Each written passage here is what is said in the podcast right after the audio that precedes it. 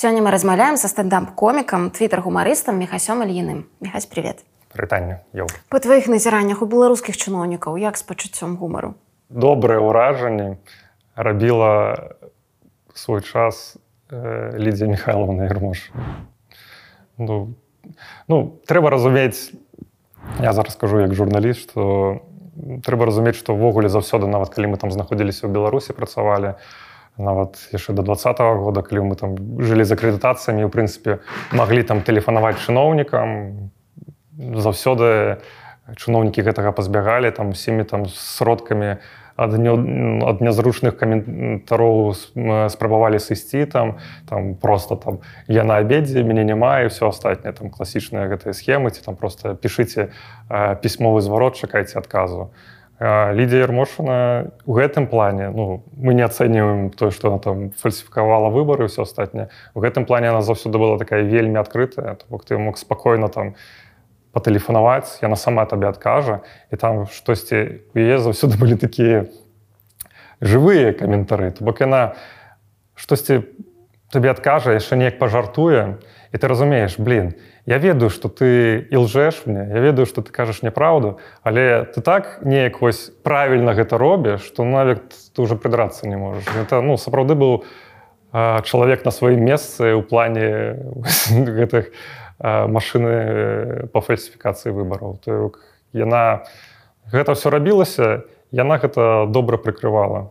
І в тым ліку і праз жарты. Там часам такое типа патэлефануеш она там сама с тобой пахіхіка такі думаешь блин ну зараза а лукашэнкі як з пачуццём гумару лукашенко думаю что есть пачуццё гумару ну лукашенко як чалавек які пытае спрабуе ва ўсім быць таким першым галоўным я думаю для яго таксама вельмі важное гэта пытанне каб там казаць нейкія рэчы як каб выклікаць у людзей у тым ліку і пазітыўныя эмоцыі ну, я не ведаю ледзь не кожнае яго нейкае там паседжанне нейкі зварот там штосьці такое нейкія спробы у нефармальнай гутарцы там прынамсі калі ён там ад паперкі адыходзіць штосьці ёсць. Ну але звычайна гэта крынжа выключна праз тое что чалавек такі ён старой фармацыі вельмі салковы з таким максімальна салковым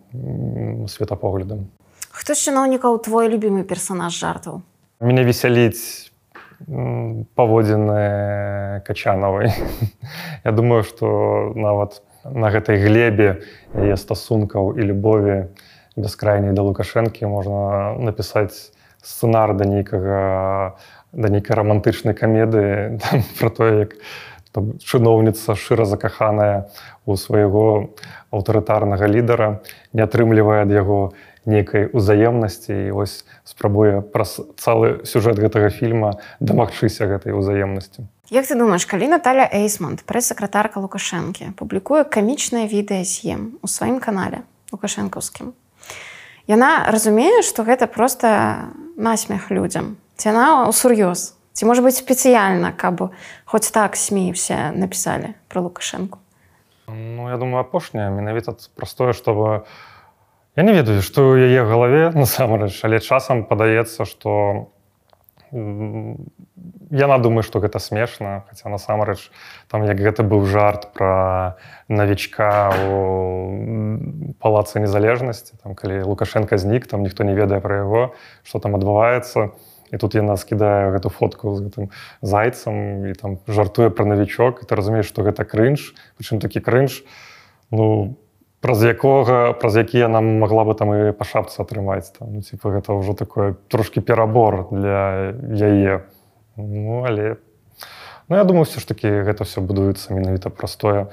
Ну, як все гэтыя фото відэа з гэтым ой, бедным умкай сабакам шпіцам ось умку мне сапраўды шкада яму я спачуваю все ж таки у яго выбору няма занадта маленькія лапкі каб збегчы і все гэта робіцца каб зарабіць з лукашэнкі пэўнага ачалавечыць паказаць што ён ён такі ж як мы нармальны чыноўнік нармальны чалавек накладна які таксама ходзіць там капае бульбу і все астатніе у апазіцыях хто твой самы любімы герой жартаў і мемаў з апазіцыі трэба жартаваць вядома бо апазіцыя гэта у ідэальным грамадстве таксама любая палітычная апазіцыйная партыя як канечная мэта гэта прыйсці да ўлады і таксама жыць за нашыя падаткі. Таму мы павінны над яе жартаваць як над людзьмі якія прэтэндуюць на гэта прынамсі. Шмат жартаў падкідывае спадар дзянон. Але скажу шчыра я з павагай стаўлюся да спадчыны спадара дзянона і да яго самога. Але ну вядома яго бываюць нейкія такія непрымальныя для мяне выказванні нейкія там пазіцыі. Все ж таки але паважаю яго прынамсі за тое як ён там а, кажа выказвае сваю базу пра Расію і пра яе месца у пакутах беларусі. Ну тым не менш гаспадара зянона есть такая праблема што ў яго дзіўныя бываюць прыхільнікі так скажем якія самыя ствараюць нагоды для жартаў пра зянона пазнікае яго факс. Табе не сорамна жартаваць ну слухай гэта ж такое як бы забаўнае няма нічога такого бы крыўднага там пра кубак ціхановская таксама жартаваў. Ну, типа, гэта таксама была такая смешная нагода для жарту. Ну типа мне падаецца ніхто з гэтых ад гэтых жартаў не пацярпеў і неяк там э, рэпутацыя зяно над гэтага таксама не пацярпела. Ёсць жарты за якія табе сорамна? Ну, часам бываюць жарты якія там магу ў твітары напісаць і іх могуць не так зразумець і там ці выдаляюць не іх это ўжо іншая справа. Ну ёсць такое. Але некаторы ты выдаляеш некаторы выдаляю калі разумееш што ну можа тут ужо перагнуў быў жарт у мяне пра акурат такі пра Дмітрыева калі яго затрымалі я вось напісаў што у беларусі затрымалі чалавека які галасаваў за Андрэя Дмітрыева і ну многіх гэта абразіла што нібыта нельга жартаваць там ну краіне з'явіўся новы палітвязень ну, нельга жартаваць. Хаця я знаёмы з мітрыевым я ён таксама мяне ведае асабіста ён там заўсёды мне там прынамсі там нейкіх нефармальных сустрэчах там рэспектаваў за гумар за твиттер я ведаю что калі бы у яго была магчымасць бы пабачыць гэты твіт я ўпэўнены что яго бы ён не абразіў я вось сыходзіў з гэтага пункту гледжання што ўсё ж такі сам Андрей Дмітрыяў нормально бы яго ўспрымеў. Ёсць надо гісторыя про Андрея Дмітрыява ну, рассказывай Дмітрыяў заўсёды нормально рэагаваў на жарты меў магчымасць пажартаваць сабе. Напрыканцы 2020 году калі там ужо там, не ведаю некалькі месяцаў пасля пратэстаў пасля выбараў пратэсты яшчэ працягваліся Ну мы памятаем, што Лукашенко і ціхановская з усіх кандыдатаў засталіся ў медыйным прастранстве, а вось акурат такі там канапацкая Дмітравы чэрачамі яны там фактычна зніклі там ці там сышлі кудысьці далёка іх не бачна.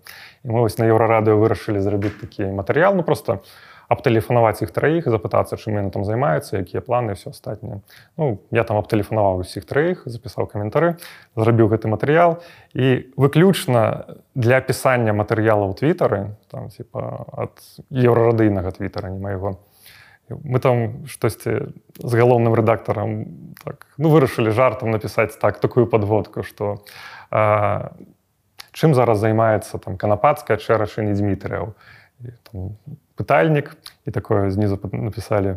Асцярожна у матэрыяле ёсць спойлеры ну так типа запусцілі гэта кінулі ў твиттер гэта і гэта вельмі абразіла Андрэя Дмітрыева. Я просто быў нечаканы што ён такі ну, я ведаў што ён там умее сябе пажартаваць там і все такое але ён там і в рэплаях штосьці напісаў мне напісаў там ну, в асабістыя паведамленні напісаў што типа гэта непрымальны жарт там. Галоўнаму рэдактару напісаў што гэта непрымальны жарт што вы там з мяне здзекваецеся. Я на той момант ну неяк вельмі быў здзіўлены яго такой рэакцыі бо ну, ведаў што чувак умее гумар чаму ты не можаш там сама іронію ну ўсё ж таки з цягам часам я зразумеў чаго яго так трыгернула все ж таки на мою думку. Посадзілі ну все ж таки я думаю что насамрэч таким глобальным спойлером ён не быў то бок не быў таким нейкім проектам КДБ ці кого-небудзь каб удзельнічаць гэтых выборах. Тому ён ну гэта моя думка что ён все ж таки удзельнічаў у гэтай выбарчай кампаніі шчыра. І яго вельмі абразіла калі его все ж таки называлі спойлером бо той же Сергей Чэрачын яго напрыклад не абразіў нават нават ретвітнул гэта расскажы про свой самы правальны стендап. Я гэтую гісторыю распавядаю на стендапе э, про свой самы горшы выступ самы горшы карпаратыў скажи просто у каго у супрацоўнікаў аддзелу крымінальнага вышыку ленінскага роуз города брэста. Я не ну, можаш забыць да я там выпадкова выступіў мяне там паклікалі выступіць тэрмінова паклікалі выступіць на карпаратыве я прыехаў і за 5 хвілін да выхаду на сцэну мне кажуць што там сядзяць супрацоўнікі крымінальнага вышуку. Я хацеў ну вядома трэба было адмовіцца але я падумаў што блин можна ж ну можа з гэтага атрымаецца такі нейкі перформанс што типа выйду і пажартую на свае тэмы у тым ліку праз пра лукашэнку. Ну што з гэтага атрымалася глядзіце на канале пан стендап. Я думаю калі-небудзь бліжэйшай будучыні гэту ну я гэтую гісторыю рассказываю на стендапе а, думаю запишу і гэта все пакуль што можна ўжывую прыйсці тебе паглядзець і пачуць гэтую гісторыю. Так. Тебе часто клічуць на карпаратыве не там за ўсё жыццё можа там 5 нейкіх было карпаратываў. Ну і зараз плюс да ўсяго ўжо в прынцыпе больш за паўгады не выступаю на рускай мове толькі на беларускай. І, і разумею што гэта патэнцыяльна гэта таксама свядома адрэзаў сябе ад пэўных таких магчымасцяў заработку. А колькі можна зарабіць за адзін карпаратыў?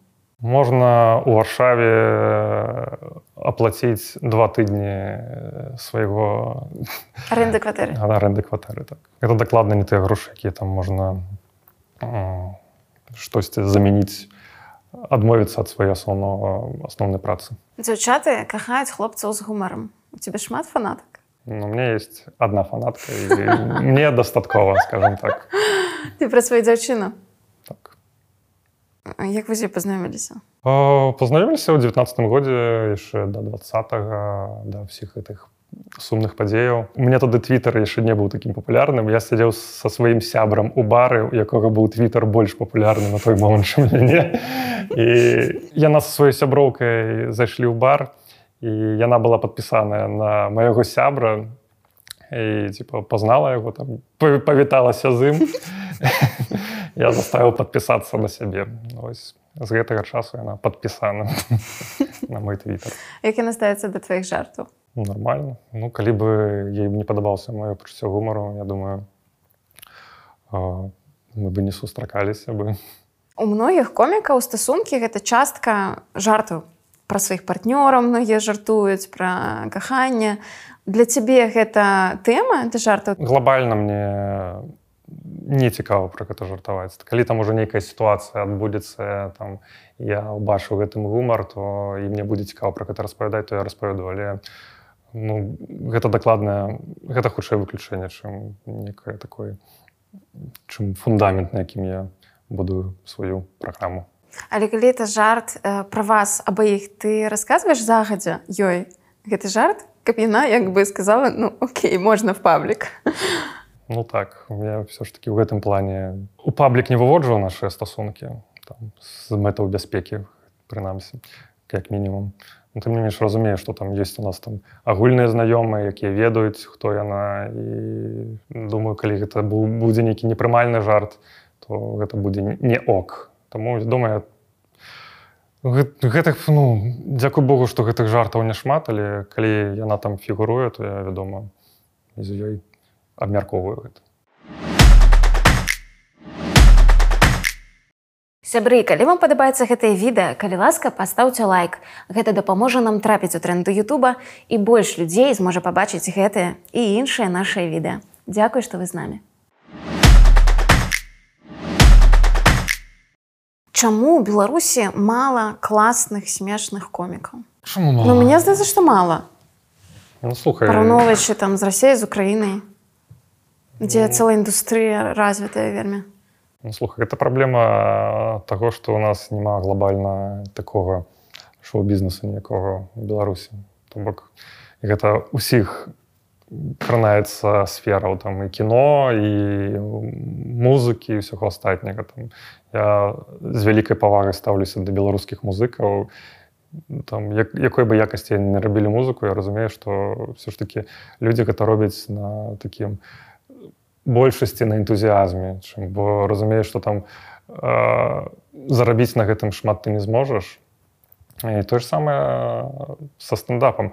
Просто ну не ведаю там не было нейкіх тэлевізійных праектаў не было нейкіх youtube праектаў у беларусі ніколі таких маштабных нават на рускай мове. Все гэта запланіла прадакшаны з рассіі ці з Україніны і беларусы шмат туды ездзілі. Нават не проста як комікі ну як аўтары. Там шмат хапае беларусу ну, типа мы пра іх не ведаем для іншых працуюць. просто людзі не ў кадры знаходзяцца.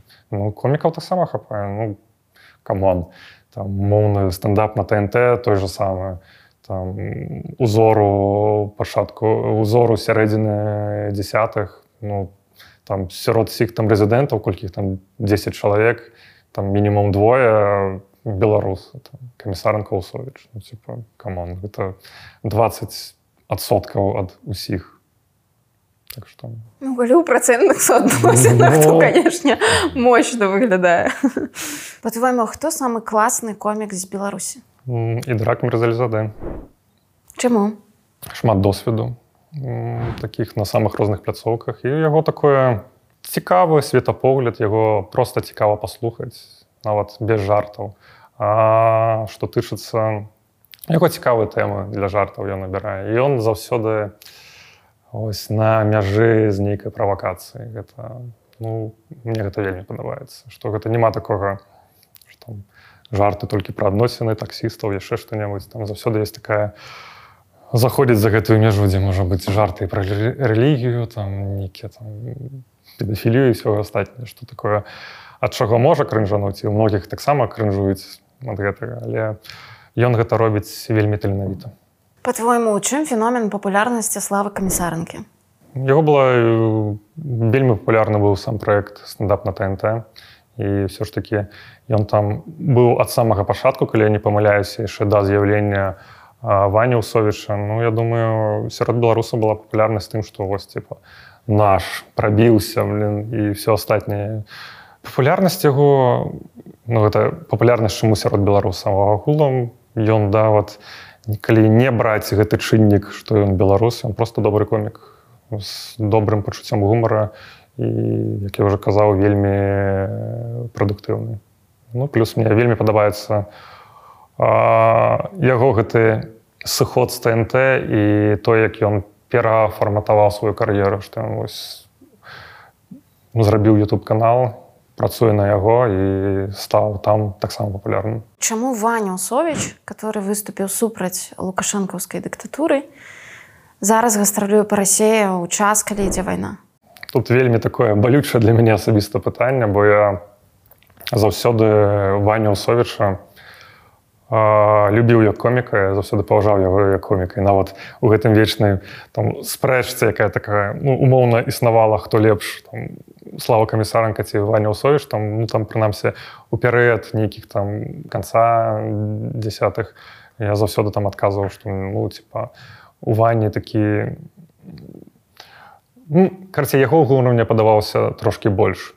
І асабіста для мяне вось то яго у і маўчанне тое што ён знаходіцца застаецца ў рассіі трошки балюча і я ну там маю магчымасць напрыклад праз пэўных людзей запытаць там просто так літаральна справа там там двух паведамленняў ці пачаму ён гэта не робіць але я спецыяльна гэтага не раблю каб больш не расчароўвацца ў чалавек я просто ёсць у мяне нейкае такое надзея ўнутры што яго есть нейкая сур'ёзная подстава до того каб не з'язджаць я не ведаю там, можа там его там нейкія праблемы з роднымі можа там яшчэ што-небудзь там. Можа ён сапраўды там стыкнуўся з нейкай там фінансавай праблемай і не можа і зараз напрыклад там спрабуе просто зарабіць грошы каб пазней з'ехаць каб было за што з'язджаць я спадзяюся что ну ладно не спадзяюся что у него там все дрэнна і там он не з'язджае спадзяюся что у яго есть нейкія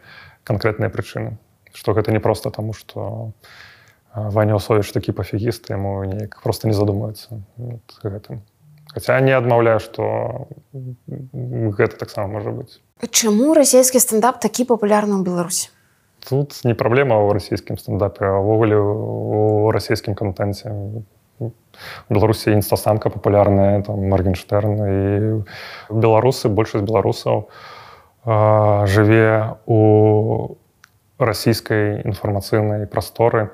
Гэта не праблема расійскай інфармацыйнай прасторы гэта праблема того что беларуская беларускага контенту няма альтэрнатыўнага патлумач за што ты так не любіш каца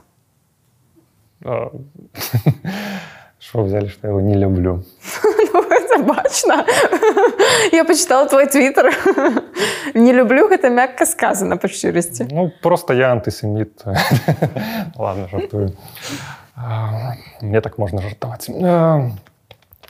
ну слухай меня трошки тут нават праблема не ў кацы а ў тым что зараз буду казаць пра уплыў расійскай расійскага контенту хацеў зрабіць адсылку да расійскага контенту быў калісьці такі персонаж як вася абломаў і у яго была такая сумесная песня з нойзам псі і прасці господі сергеем шнуравым любіць наш народ всякое гаўно я не кажу про тое что тое что робіць там кац гэта ўсё дрэнна але меня трошки засмучвала засмучвае калі ну, чалавек пачынае там спажываць нейкі контент зусім безальтэрнатыўна то бок там кац злавіў гэтую хвалю беларускіх пратэстаў там вельмі падняў свой канал і там пачаў там распавядаць беларусам што як трэба ты просто гэта глядзіш і ад гэтага крынжуеш калі там ця кац распавядае што типа вось там там умоўным двадцатым годзе верасні там ён там штосьці казаў там ось на пратэст выйшла 100 тысяч чалавек тысячу з іх затрымала затрымалі что мы маем? Затрымалі один процент ад пратэстоўцаў. Так людзі выходзьце з вами нічога не ну, там варе, там верагоднасць того что вас затрымаюць один процент. Ну, типа ты глядзіш і думаешь блин чувак ты адэкватны каб такое казаць ну типа ты увогуле не глобальна не разумееш павескі ну типа беларускай то ну ты ведаеш яе толькі вось по сродкам масавай інфармацыі але ты знаху ну не знаходзішся ў беларусі там ну быў там беларусі ездзіў там на нейкі там покерныя турніры ну але гэта мне падаецца недастаткова каб разумець беларусі тым больш рабіць там нейкі контент не толькі для беларусаў але і пра Беларусь. Ну, часам там Ну, там у яго і гэтыя ролікі пра мову і там пра ўсе астатнія ну, камон чувак ця ёсць свая тэма ну, можаш лепш ёй займацца але слухай тое што ён рабіў у двадцатым ну кажучы агульна даваў надзею беларусам. Гэта ў плюс ці гэта мінус паколькі гэта была такая імітацыя мроя? Я не ведаю. Я, мне падаецца плюс усяго гэтага што нарэшце я беларусы зразумелі што яны таксама могуць рабіць такі контент то есть там не ведаю там калі там той жа чала зразумеў чаму там ён сам про гэта казаў чаму там нейкі все слухаць каца ён там нейкую лухту кажа калі я могу тое ж самае казаць і... ладно не лухту а просто рабіць тое ж самае рабіць падобны ж контент і буду слухаць мяне. В прынпе у чала гадарчы гэта спрацавала калі там зрабіў свой шалы лайф Ну, магчыма, так для людзей на той час не было ніякай такой альтэрнатывы, каб там даваць людзям надзею. Але мне падаецца, што ўсё ж такі хапала там і неаб'ектыўнай інфармацыі часам нават шкоднай. Хачу пра ўкраіну таксама спытаць, чаму ва ўкраіне такая моцная школа гумару склалася. Украіна глобальна ніколі не жыла там пры дыктатуры ад часоў незалежнасці там можна по-рознаму ставіцца там да кучмы там, да януковіча але все роўна гэта былі такія гэта непараўнальна было з тым нават самымі там лайтовымі часамі лукашэнкі там. Гэта заўсёды был все іх заўсёды было добра і глобальна заўсёды быў развіты інстытут развіты інстытут там журналістыкі свабода слова заўсёды была там так яна там часу там да глобальна там нават калі там гэтыя алігархі магіль маглі там уплываць на жыццё там краіны гэта кажацца потому что ну дыктатуры не было фактычна что все ж таки былі пэўныя вольнасці.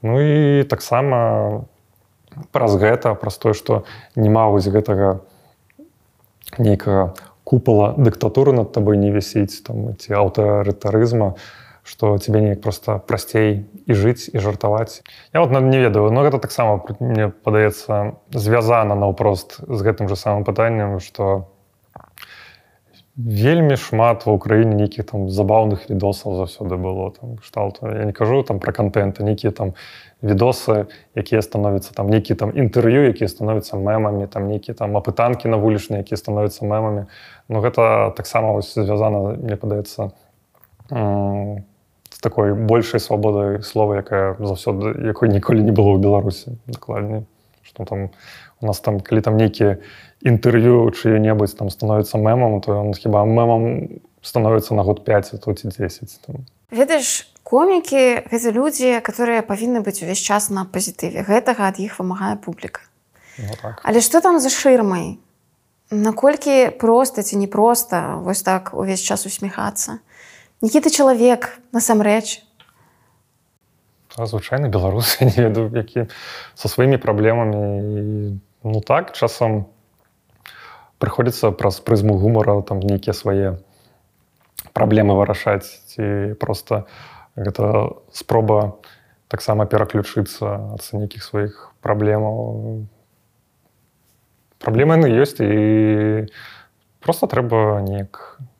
Маім выпадку я все ж таки спрабую маю нейкі такі больш пазітыўны светапогляд і спрабую нават нават з нейкіх таких сумных гісторый і праблемаў сыходзіць з гумаром лягчэй так становіцца. Калі ты апошні раз плакаў блин гэта прыкладна было не так я не памятаю дакладны гэты выпадак. Ну інтэрв'ю твоё з лябедзька меня трошки гэта гэты момант калі ён казаў пра унучку сваю якая там, там паглядзіць абавязкова хто не глядзеў. Там гэта гісторыя пра дзьмухавед здаецца і пра бацьку якога сядзіць ні за што ну шмат які беларус сядзяць ні за што але ён вельмі сядзіць ні за што просто за тое што ён сын спадара Анатоля Ну гэта меня так кранула да таких да, ну не скажу там плакаў але вочы былі мокрыя. Я быў не так давно можа там таксама такі выпадак забаўны больш. Э, карацей у варшаве праходзіў канцэрт касты пачатак так.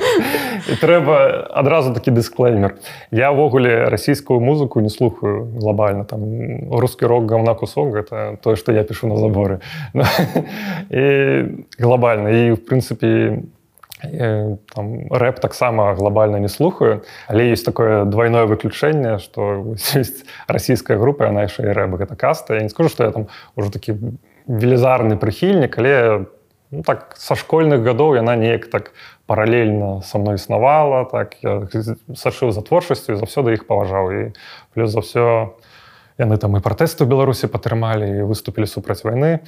Гэта ну тая расійская каманда за якую не сорамна быць яе прыхільнікам. І вось яны прыязджаюць варшаву мы сябрам ідзем на канцэрт. Я яны выходзяць на сцэну их так першыню бачу і нейкось гэты эфект калі там ну там не куміры але прынамсі ўжо такія персоны якія для цябе пэўным сэнсе сталі міфічнымі. Ты іх бачыш першыню так так неяк так пэўны такі прыліў эмоцый дорыць плюс яны выходзяць першы трек быў гэта выхадзе гуляць які вось у якога есть такі беларускі след так скажем там кліп на гэты трек выйшаў акурат там недзе здаецца яшчэ пратэсты працягваліся і быў прысвечаны акурат ён гвалту сілавікоў гэты кліп. І вось гэта так все разам. І плюс пасля ўсяго як яны гэты трек выконваюць там уладзе ну, владзе які там адзін з іх робіць такую прамову вітаюць усіх кажа што падтрымліваюць што яны падтрымліваюць усіх украінцаў падтрымліваюць рускіх якія супраць вайны і кажа так і таксама падтрымліваем беларусаў я ну, так разумею што гэта нейкая такая дзяжурная фраза але все роўно неяк так прыемна стала я ўжо такой разам все гэта так склацілася я такой разумею што меня цекуць слёзы я такі блин да не можа быць што мне цекуць слёзы і так атрымалася што мой сябар стаіць ззаду мяне і так трошки збоку я думаю блин добра что он стаіць ззаду і не бачыць что я плачу клас. І пасля, пасля канцэрта мы з ім абмярковваем там ну дзелімся ўражанне ад канцэрта ён такі кажа блин мне так кранула прамова владзе что я пачаў плакаць я спецыяльна пашоў стаў ззаду ад цябе каб ты не бачыў кажу ну так чувак я-то не плакаў гэтай сітуацыі пытанне да цябе як прадстаўніка твиттер супольнасці Чаму беларускі твиттер такі таксічны? Мне падаецца там калі капацца і ў рускім твиттары в украінскім там таксічнасці хапае можа нават часам і больш ну, мы зараз праходзім такую стадыю что калі двадцаты год і там можа пачатак 21 гэта была такая агульная хваля салідарнасці любові адзін да аднаго то зараз такі адбываюцца стандартныя працэсы што есть там уже гэтае чаканне гэтыя надзеі неспраўджаныя гэта адбіваецца на людзях і ўсё ж таки з'яўляецца ўсё больш там і спрэчак там, там, там прыхільнікі святланы ціхановскай скардзіцца на прыхільнікаў зянона станіславовича і наадварот і все гэта. у Ну не толькі гэта шмат якія чыннікі ствараюць пэўныя канфлікты. Зноў жа там з'ехаўшы застаўшыеся шмат чаго яшчэ. Але гэта норм што беларусы ўвесь час сварацца? Ну слухай гэта ну, сварыцца гэта норм так мы нейкіх пытаннях. Можа хтосьці даходзіць да нейкай да разумення пэўных рэчаў. Ну, гэтага не пазбегнуць гэта нармальна асабіста мне гэта не прыкалвае. Ёсць людзі якія там наадварот там сядзяць там хапае таких папулярных твітарскіх які там просто энергію чарпаюць з гэтых срачоў з гэтых всех боек твітарскіх. Ну я не такія. Я іх магу пачытаць паглядзець але спрабую абыходзіць там типа, мне гэта просто не цікава. Мне не спрабую мне хочется нейкіх пазітыўных эмоцыяў і гэтыя все спрэчкі вельмі часта да нічога добрага не прыводзіць твой любимы мем? У меня есть любимы мем да якога да з'яўлення якога я маю такое непасрэднае дачыненне гэта вось легендарныя это нават не мема такі шаблон для мемаў это легендарная брэская дырэктарка рынку лагуна. Ось, калі ты памятаеш за гэтым зачосам ось, я паўплываў на яе папулярнасць так скажем пэўны момант калі я разбіў свой телефон мабільны шоу жыў ішоў брэсце мне там параілі звярнуцца на рынок лагуна пашукаць там нейкую ремонт там гэтых мабільнікаў я хацеў а там велізарны рынок я просто зайшоў на сайт гэтага рынку каб просто пашукаць нейкі план. Я знайшоў золата вось гэтыя цудоўныя яе здымкі адфоташопленыя Ну я закінуў іх тады яшчэ ў фейсбук і гэта вельмі моцна разляцелася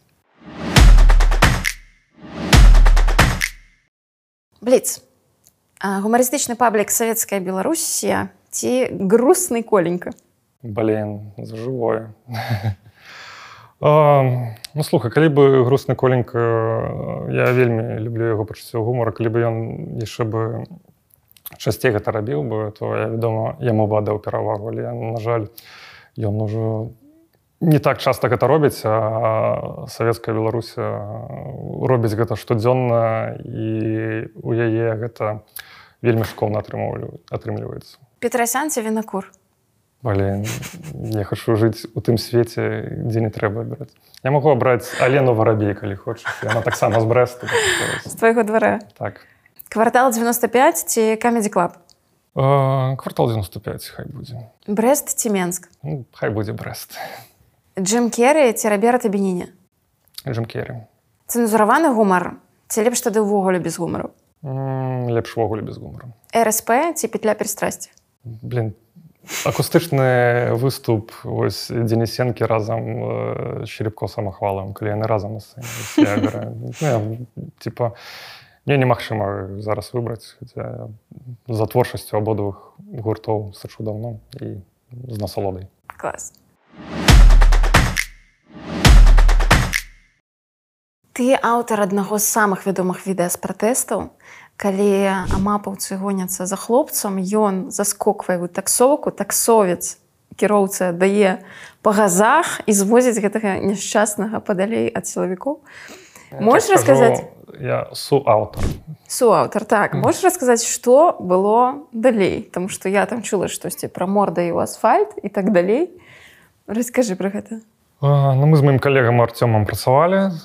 Гэта быў калі не памыляюся дзень так званай інаўгурацыі і хоць там пратэсты звычайна такія масавыя адбываліся па выходных но гэта так трыгернурвала ў людзей што гэта здаецца аўторак был людзі масава павыходзілі і зноў пачалі ну, так літаральна шатаць рэжым. У тым плане што даходзіла там месцамі да нейкіх такіх э, супрацьстаяння сілавікамі яны так вельмі моцна гэта падаўлялі ну крацей мы сталі сведкамі вось гэтага того што адбылося як э, збегаў гэты хлопец.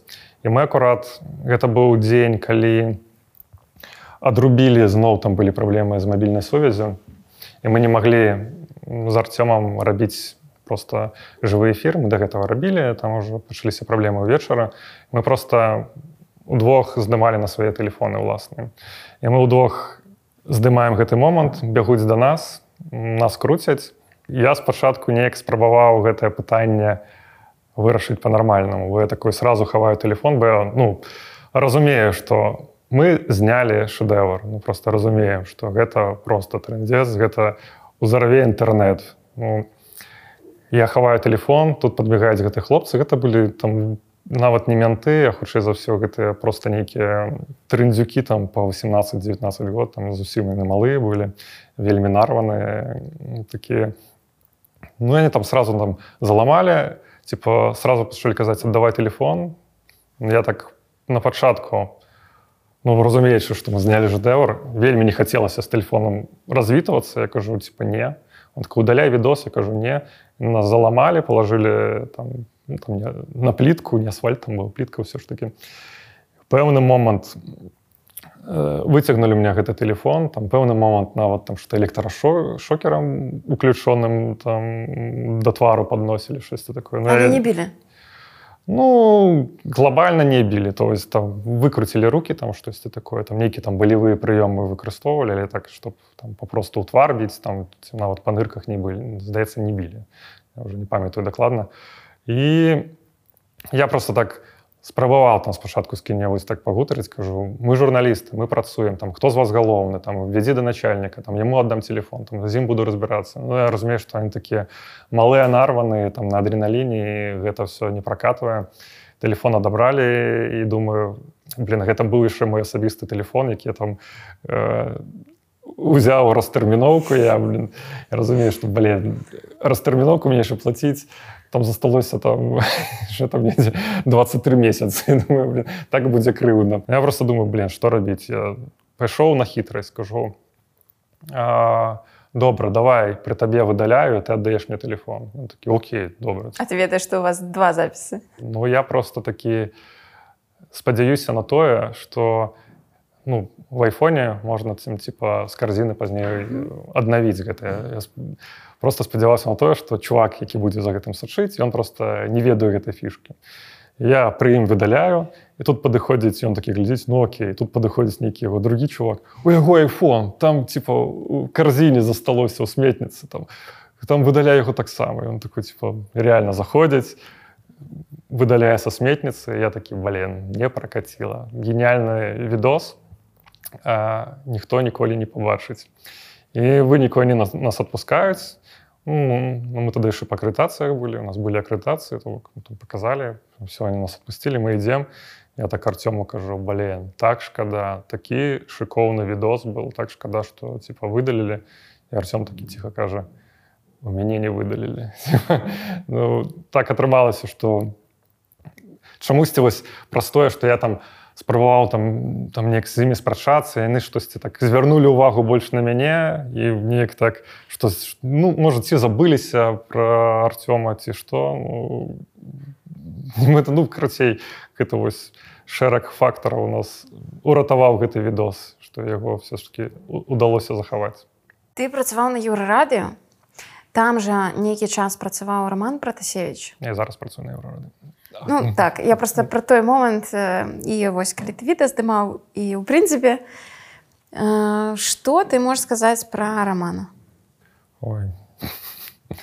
Блин ведаеш як пра нябожчыка ці ці добра ці нічога роман вельмі добра фатаграфуе гэта его гэта тут не скрасці нічога. Хапае людзей якія там кажуць что роман протасевич закладнік рэжыму і там неяк яго крытыкаваць не варта что мы там всю праўду даведаемся калі все скончыцца і гэтак далей. І ну такое меркаванне таксама ёсць. Яно мае правы на існаванне але як паказвае практыка часцей за ўсё так кажуць людзі якія асабіста романа не ведаюць. Большасць маіх знаёмых якія з ім таксама знаёмыя ну, калі там назіраюць на нейкія яго там дзіўныя ўчынкі ну, кшталту там вяселля паралельна прысуду сапея ці там просто яго нейкі там выказванні. Глядзець на гэта са словамі ну класічны ромка. Расскажы пра сітуацыю калі ты ў беларусі як комік сутыкаўся з цэнзурай. Ну гэта ўжо былі апошнія месяцы майго знаходжання ў беларусі. Это другая палова 21 года. Ну просто ў пэўны момант э, мне перадалі что я знаходжуся ў чорным спісе я не буду атрымліваць мерапрыемствы на афішах як, якіх будзе мой фотаздымак не будуць атрымліваць гастролька. Ну, типа дазволу на правядзенне ну, там не толькі я быў яшчэ некалькі людзей ну, я гэта нармальна ўспрыняў бо ведаў што гэта пытанне часу во-першае.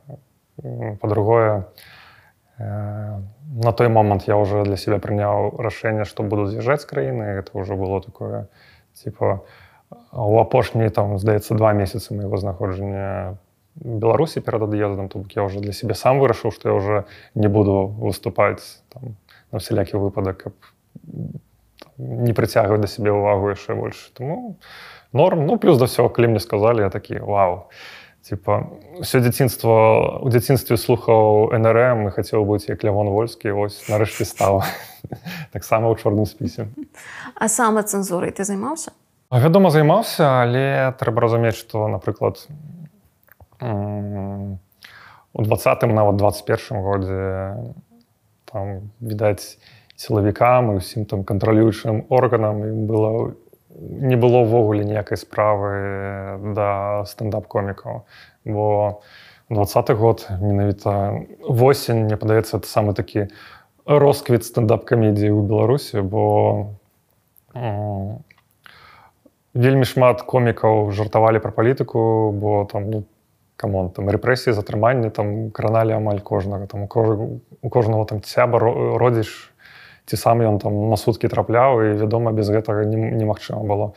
І людзі з гэтага жартавалі вядома нават вельмі смела жартавалі. Там зараз такое немагчыма выявіць на тэрыторыі беларусі але першыя такія званочки калі там нават нейкія там я бацькі ў сваіх пабліках пачалі там звяртаць увагу на комікаў гэта уже было 8 21 года. На той момант я уже не выступаў уже збіраўся з'язджаць але там таксама была вельмі смешная сітуацыя что было одно мерапрыемства якое праходзіла у кафетэры барысаў арэны і карацей там нейкая я бацька ну, там я уже не памятаю хто такая побачыла что там быў нейкі комік на афішы якога затрымлівалі она такая типа написала гнеўны такі пост там типа вось звярніце увагу гэты бчбэшны мразе там свае канцэрты ладзяць мало того что там ладзяць канцэрты там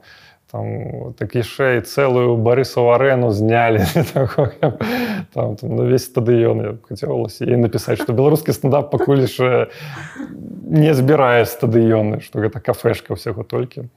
Але ну гэта быў такі першы званочак і в прынцыпе у гэтай актыўнай грамадзянінкі атрымалася ну, мерапрыемства адменілі і нават некаторых комікі пазней там хадзілі нейкія органы так скажем калі ты прыняў рашэнне выехаць беларусі?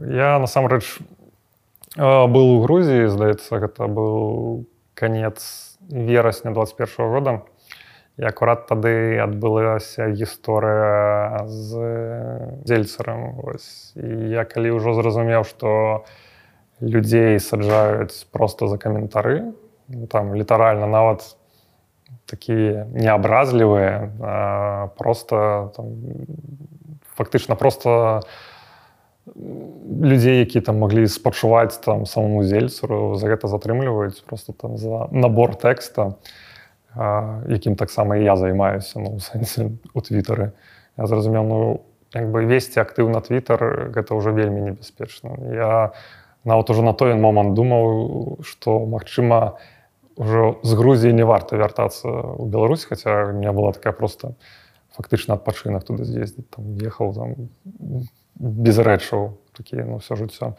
Но па вяртанне ў Беларусь я ўжо прынцыпе прыняў рашэнне што ну типа ўжо такія пэўныя чырвоныя сцяжкі расстаўленыя што ўжо ну тут уже ідзе справа пра сваю бяспеку што уже хіба лепш з'ехаць Раскажы пра ўз'яднанне са сваім сабакам цацу. Праз полтора года да? Так праз полторы гады ну все добра яна тут. Ну просто трэба было вывесці сабаку бо яна там жыла з чужымі людзьмі яе там даглядалі але тым не менш ну все роўна гэта не той узровень заботы там, там вядома. І мед дагляд быў не той які патрэбны і все астатняе. Ну ты просто не можаш дыстанцыйна праверыць там дакладна ці там з гэтым за гэтым сабакам звядзяць так як трэба ці не. Ну выніку атрымалася ну гэта было так з прыгодамі бо гэта быў акурат перыяд калі зачынілі брэз застаўся адзіным гэтым месцам дзе можна было на легкавушкі пераехаць фактычна. Велізарныя чэргі там халера што адбываецца акурат там паралельна гэтыя затрыманні на мяжы тамвогуле поўная жэсць. І там некаторы момант там людзі просто не хацелі займацца перавозам сабакі а тыя хто гатовыя былі гэтым займацца там называлі такія сумы там заоблачныя там, ну, там шталту там 400 еўра хацелі просто за тое каб з брэста перавесці сабаку ў тэрэсполь там типа ну гэта было ўвогуле нейкая жэсць.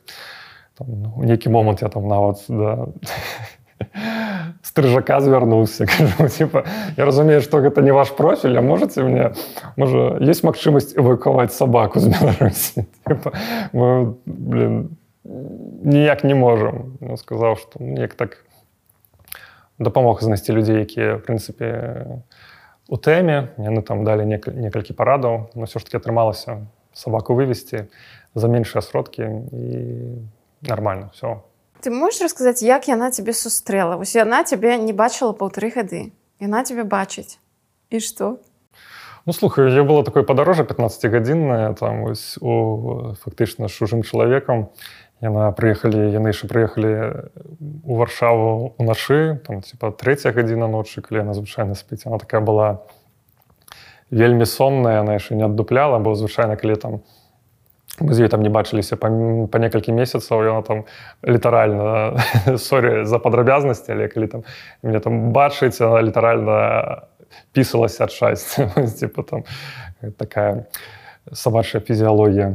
Ось а, ну гэты раз она такая не адразу зразумела што адбываецца бо там, там ну, доўгі час жыла чужымі людзьмі але так тры хвіліны я спатрэбілася каб уключыць гэтыя ўспаміны канфлікт у байполя. Гэта смех ці слёзы? Смех пра слёзы. Ну, ну гэта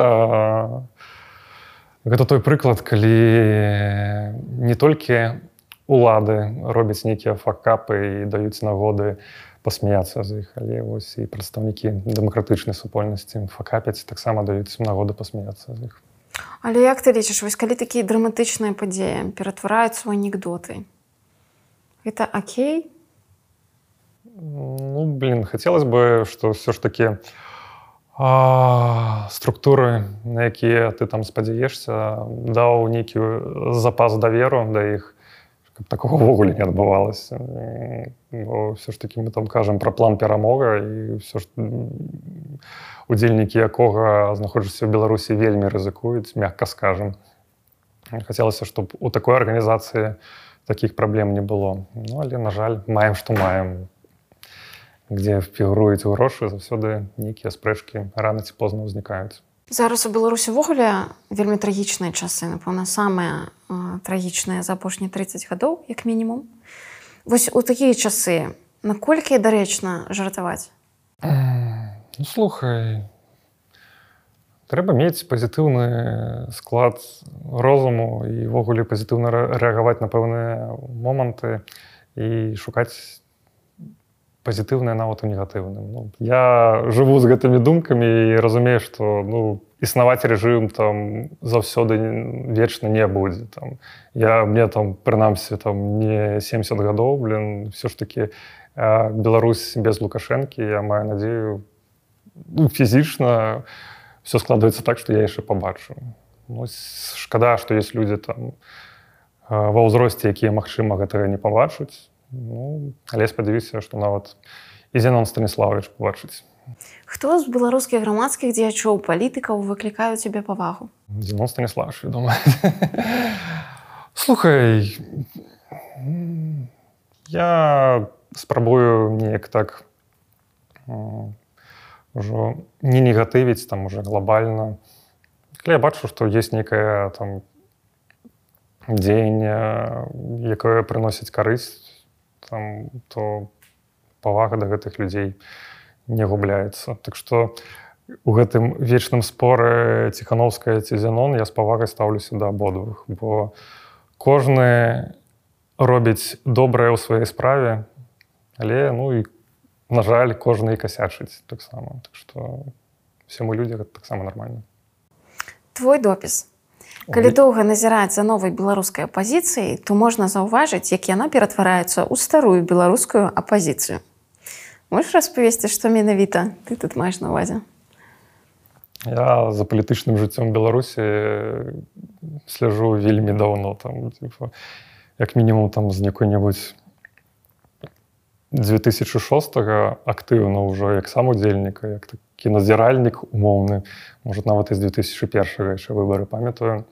Ну і пер ну перыядычна все ж таки адбываюцца такія працэсы што прыходзяць новыя людзі якія там крытыкуюць старую зажаўшуюся апозіцыю ці там кажуць что там умоўна мы будем рабіць все по-новому там не ведаю там 2010 год там з'яўлення гавары праўду нового актыва. Пазней там ужо праз 5 год там гавары праўду становится такой же там я без крытык я просто констатую факт что уже становится на одну ступеньку з тымі хто каго яны ці самі крытыкавалі ці альтэрнатыву предоставлялі ну то ж самое адбываецца і вось у двадцатым годзе прыйшлі новыя людзі новы актыў гэта вельмі круто але часам гэта таксама ну калі немагчыма неяк ужо вельмі хутка перамагчы рэжым все роўна гэта все скатываецца да нейкай барацьбы эмігранцкай такой на жаль.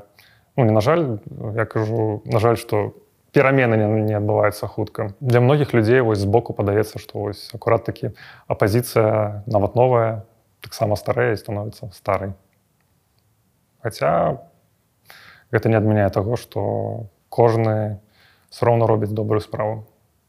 Вельмі стары ён апазіцыянер ці больш новы ці ёсць у беларусі хтосьці хто могаў бы пайсці шляхам владимира зеленскага з гумарыстам у прэзідэнт мне падаецца увогуле любы чалавек адэкватны больш-менш можа замяніць лукашэнку то есть гэта сістэма якая пабудаваная на адным чалавеке не павінна так працаваць лічу што все ж таки сістэма павінна працаваць так каб чалавек там нават не павінен быць там эканамістам і спецыялістам ва ўсіх сферах якім сябе лічыць там лукашенко там ну господи як бы лег валенца был электрыкам тым не менш змог кіраваць краіны нічога гэтым дрэннага не было у яго кіраванні глобальнага что я думаю ну шчыра пакуль што таких вось персон я не бачу конкретно кагосьці назваць але я думаю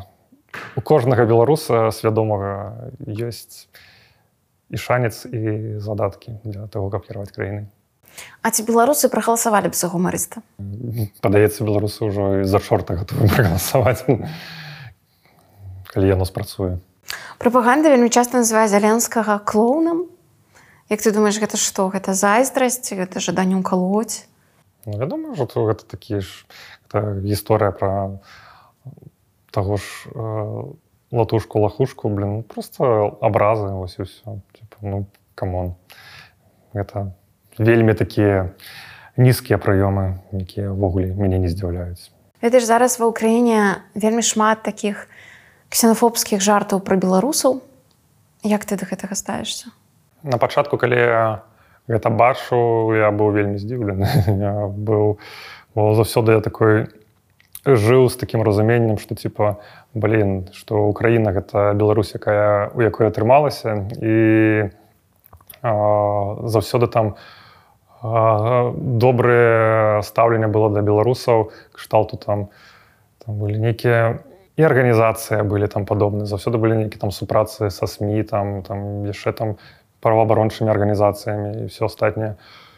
І я думаў, што калі ты жывеш сваім там нейкім такім мірку, то табе падаецца, што ўсё ж такі калі там твоё кола знаёмых, як маё, напрыклад, там украінцаў там нармальна ставілася да Беларусі, што так яно і выглядае ва ўсіх агулам.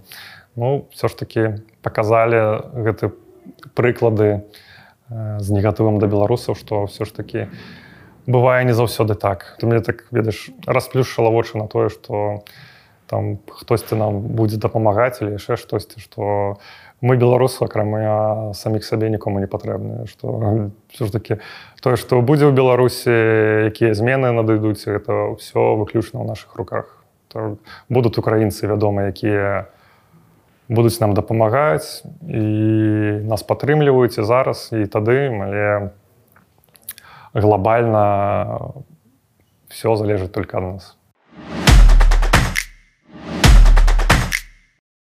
Зараз будзе невялікі блок і буду называць прозвішча, а ты будзеш казаць тваё стаўленне да гэтай асобы.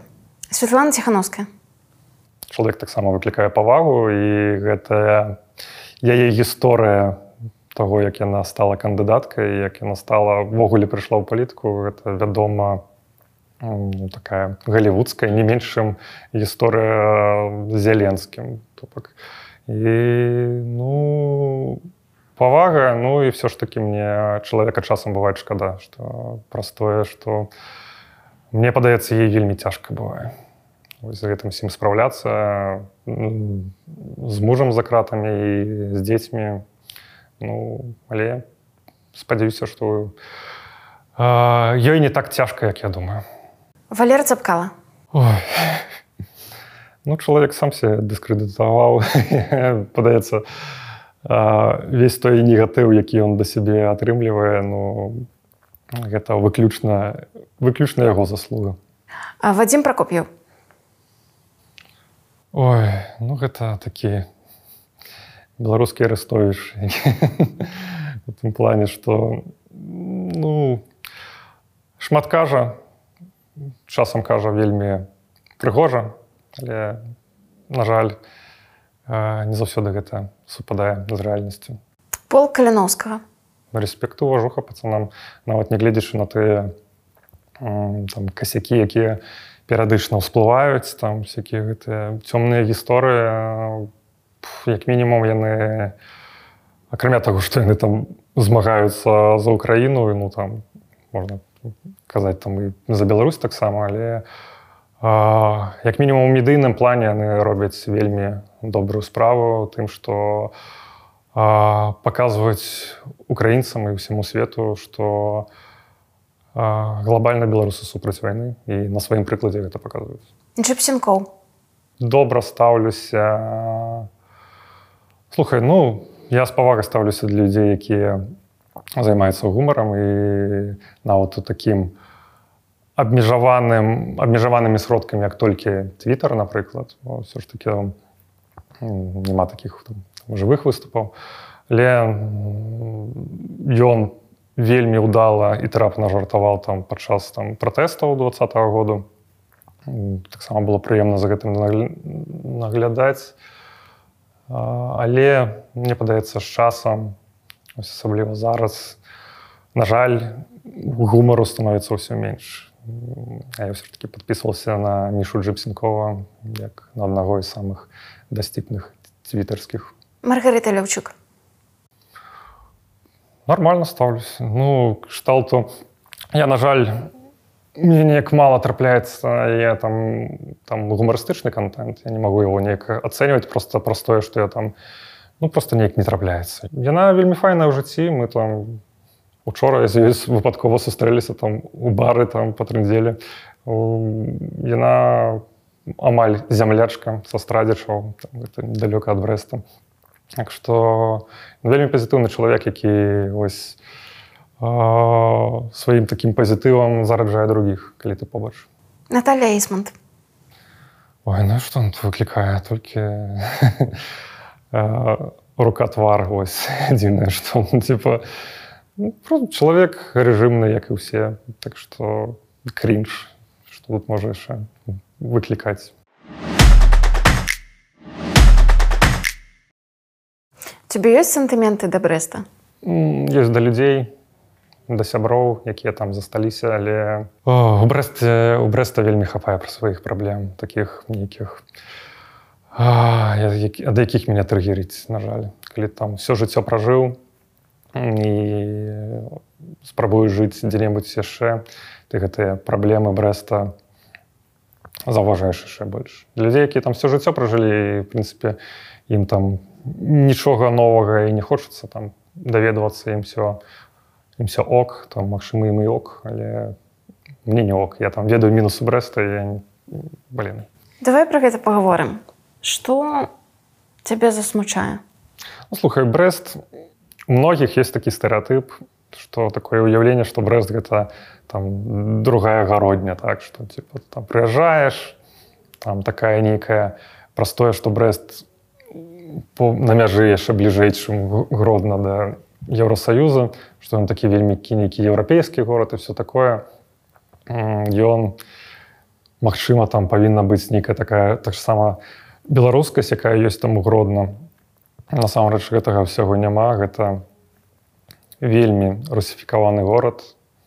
Хаця вельмі дзіўна гэта. Я ніколі гэтага не мог зразумець чаму так. Гэта ну калі там людзі кажуць што там гомель русіфікаваны самы там умоўна там ці там віцебск. Брест там не вельмі адстае ад гэтага. Ну плюс у бреста у яго слухай няма нейкай такой ідэалогіі якой усёй краіне няма такой глобальнай ідэалогіі. У брэсце увогуле няма нейкай такой глобальнай сваёй фішкі такога што можна было бы там выдаць за бренд горада то бок там умоўна есть там брэская крэпасць мека для ватнікаў там ёсць там вуліца гэтых чыгунных якіх гэтых ліхтароў якая у нас там на гоголя знаходзіцца ну, гэта просто нейкі крынж для мяне. Я просто не разумею як там можна у беларускім горадзе там ставіць гэтыя там что там стаіць это чугунная карета выкаваная там на якой напісана там какой русский не любит быстрой езды блин но і вось такія рэчы там мне заўсёды выбівалі там в этом плане плюс до ўсяго у меня такі нейкі злом быў у пэўны час. У годзе 2014 15 я працаваў на еўрараду але я быў яшчэ таким рэгіянальным корэспандэнтам брэсце часта рабіў нейкія апытанкі вулічныя там ну просто на дыктафон і 14-15 год ну гэта вядома хіба не галоўная там повестка гэта тое што ва ўкраіне адбываецца там і вельмі шмат пытанняў былі звязаны з гэтай тэмай. Нават калі яны не былі звязаны з гэтай тэмай а, ты просто ідзеш там да людзей запытваць. Я просто ў шоку ад таго колькі ў нас просто па вуліцах ходзяць ватнікаў. Гэта было прычым у розных узростаў там, там і дзядулі бабулі і там і малад і моладзь там і там, і, там 30гадовы 40гадовыя там ну просто настолькі людзі былі под нейкай такой расійскай прапагандай вот гэтай павесцы. Меня гэта шакавала бо ну калі там жывеш зноў жа сваім там у гэтым бурбалцы свой інфармацыйны там твой твоё кола сяброў такое будуецца там. З адных людзей якое сваё меркаванне ты так і думаю что типа ну да все людзі такія нармальныя расскажы пра свой досвед працы на брэсцкую або адміністрацыю як тебе звольнілі праз латушку быў перыяд калі там 2009 год сядзеў без працы я А калі ты сидзіш без працы то-вогуле сумна А калі ты сидзіш без працы ў брэсце это асабліва сумна бо у брэсцевогуле рынок працы заўсёды быў такі вельмі скудны вельмі штосьці нармальна было цяжка адшукаць неяк мне штосьці мне неяк подкінули такі варыянт можна папрацаваць у канцэртным зале ёсць там адчыніўся новы канцэртны зал там шукаюць чалавека там без нейкіх таких асаблівых скілоў сяму навучыць такі што за праца гэта быў тэхнік сцэны то бок Ну, але дзяўчатам я казаў, што я асістэнт гукарэжысёра. Ну, тэхнік сцэны гэта глобальна там гукарэжысёр налаштоўвае гук, а ты там падкручваеш мікрафоны на сцэне. Так што в прынцыпе магу сказаць, што я на сцэне з 2009 году. Хоць там не вельмі шмат грошай плацілі там, але гэта быў такі ведаеш нармальны часовы варыянт. Праўда, гэты часовы варыянт зацягнуўся амаль на тры гады. Ну і вядома быў я там пагадзіўся на гэту працу але пазней там аказалася што гэты канцэртны зал не просто там нейкі там умоўны ДК ці там філармонія што гэта канцэртны зал фактычна пры аддзеле культуры брэскага вулканкама ну плюс да ўсяго я сябе апраўдаю тым што гэта быў 2000 я працаваў з 9 по 12 год так это это былі акурат часы калі міністрам культуры быў латушка. І былі пэўныя такія спадзевы ўсё ж таки там латушка быў таким ну, прынамсі падаваўся ў нейкім такім прагрэсіўным палітыкам Ось. і ну, з добрым стаўленнем як мінімум да ўсяго беларускага но все ж таки было вельмі шмат крынжа на гэтай працы. Бо все ж таки невзіраючы на то что там было шмат нейкіх канцэртаў цікавых спектакляў якія там все гэта на халяву глядзеў там 30соткаў того что там адбывалася гэта был полный крынж агра агратрэш нейкія ўрачыстыя афіцыйныя мерапрыемствы. І такое першае такі першы трэш які такі убачыў гэта калі нас заставілі там працавалі на нейкім мерапрыемстве агучвалі нейкі там не ведаю фестываль там фальклорнай музыкі там ну там не фальклорнай народнай музыкі то бок там селякі селякі гэты паў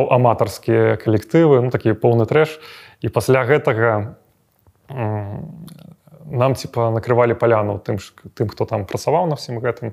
І на гэтай паляне прысутнічаў Константин сумар. Это такачасны кіраўнік вобласці ну, то бок председатель брэска абалвыканкама сам по сябе вельмі мемны чалавек які там перыядычна там ствараў ну пра свае факапы ствараў там на годы пасмяяцца з яго. Ну вось той момант гэта там працаваў можа месяц ці два. і мы сядзім за гэтым гэтае застолле. Фішка была ў тым што гэта мерапрыемства праходзіла не ў брэсце нас кудысьці там выклікалі падгучыць нейкае мерапрыемства в іншым нейкім раённым цэнтры. Але ну з'ехаць адтуль немагчыма бо ці завезлі там недзе ці прыходзіцца там сядзець вось.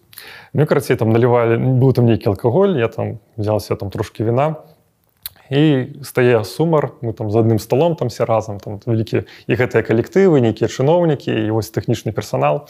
Мы сядзім стае сумары такія ну там давайте вып'ем наш першы тост там за тое что мы там все разам сабраліся штосьці такое умоўна выпівае пазней так, давайте вып'ем там другие там тост каб там часцей збірацца там ну штосьці такое і такі стаяў трэці раз для тых хто не п'е не ведае культуру піція что трэці звычайна п'ецца за любоў. Ось там у пэўны сэнс ён таксама піў за любоў. Карацей стае такі ну давайте зараз э, вып'ем за чалавека які так шмат робіць для нашай вобласці. На што в вобласці? Ввогуле так шмат робіць і для беларусі для яе культуры. Давайте вып'ем за александра григоровича лукашенко я такі стаю з гэтым кубкам віна і такі типа так за гэта я дакладна не буду піць я там штосьці зрабіў выгляд что я там паперхнуўся такое типа не зараз не магу і адстаиваю такі першы раз мне хацелі звольніць в адзінацатым годзе. Гэта акурат былі маўклівыя пратэсты праходзілі. Я на той час ужо супрацоўнічаў з незалежнымі медыямі як фрылансер. Мяне там з камерай і забралі на адным з гэтых пратэстаў але там вызвалілі пазней без складання пратаколаў але тым не менш дадзеныя перапісалі все гэта пайшло на працу. І як пазней мне распавядалі пытанне пра маё звальненне асабіста разглядаў сумар типа даў загад что як мне казалі было нейкае паседжанне там сіх кіраўнікоў аддзелаў там ну там у горадзе чп адбываецца там кожны там тыдзень людзі збіраюцца там брест быў да, даволі актыўны памоклівым пратэстам там да тысячи людзей выходзіла да паўтары. Яны там не ведалі што з гэтым рабіць там таких пратэстаў брэсце здаецца на той момант яшчэ не было.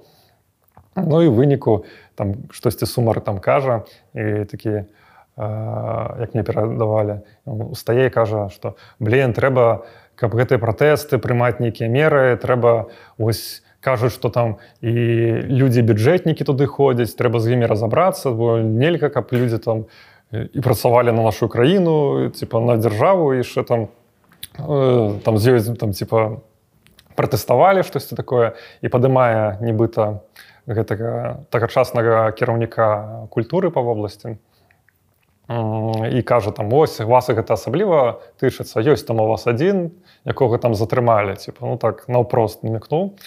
І як мне тады распавядалі гэта быў для мяне на самом деле таким шакавала бо я не шукаў такую ну, даволі мужнага учынка ад гэтага чалавека бо ён такі звычайна ну выглядаў звычайным кар'ерыстам таким мне ён за мяне заступіўся насамрэч. Ён такі просто сумару по пачаў пярэчыць ну там не пярэчыцца просто сказаў ну такую нармальную фразу что мяне да гэтага чалавека як да працаўніка няма прэтэнзія не ведаю за што яго трэба звальняць. Ну я так разумеў что застаюся на гэтай працы да наступнага касяка. То бок мне ўжо сказалі что ну как гэта як бы кітайскае папярэджанне что будзе яшчэ нейкі касяк то дуже дакладна звольным Ну і наступны касяк правда наступіў толькі праз год.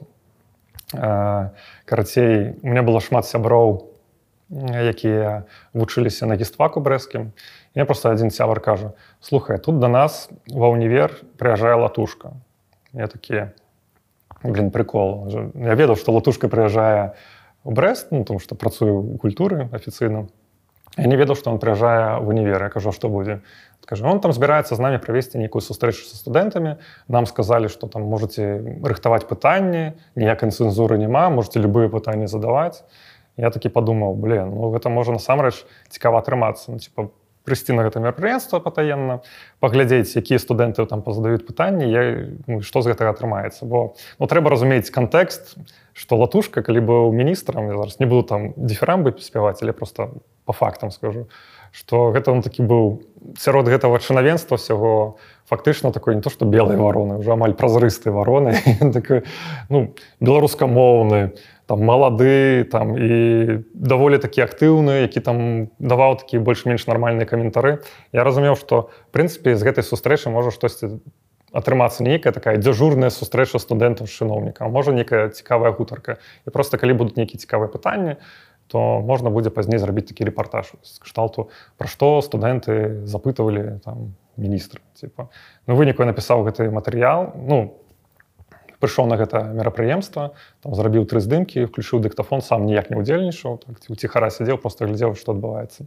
І сапраўды атрымаўся вельмі так цікава і напісаў матэрыял ён не быў ввогуле не быў негатыўным такім даволі пазітыўным быў у тым плане што типа ось ёсць адэкватныя чыноўнікі у нас і могуць адказаць на нармальныя там пытанні. Ну карацей гэты матэрыял я штосьці яшчэ не паспеў апублікаваць як мне тэлефануе моя начальніца такая міша міша что ты опять натварыў я такі здаецца нічога што здарылася нам там патэлефанавалі зверху сказалі что там прыпёрся ва ўнівер там типа прыйшоў на сустрэчу з латушкай там штосьці э, правакаваў яго задаваў там нейкія негатыўныя пытанні там типа пазней напісаў нейкую там артыкул негатыўны там і что я кажу блин что за зламаны телефон увогуле? Ну крацей что адбылося? До конца сам не разумею логіку чыноўнікаў але карцей э, адміністрацыя універа заўважыла што прысутнічае на мерапрыемстве нейкі чувак не свой нібыта.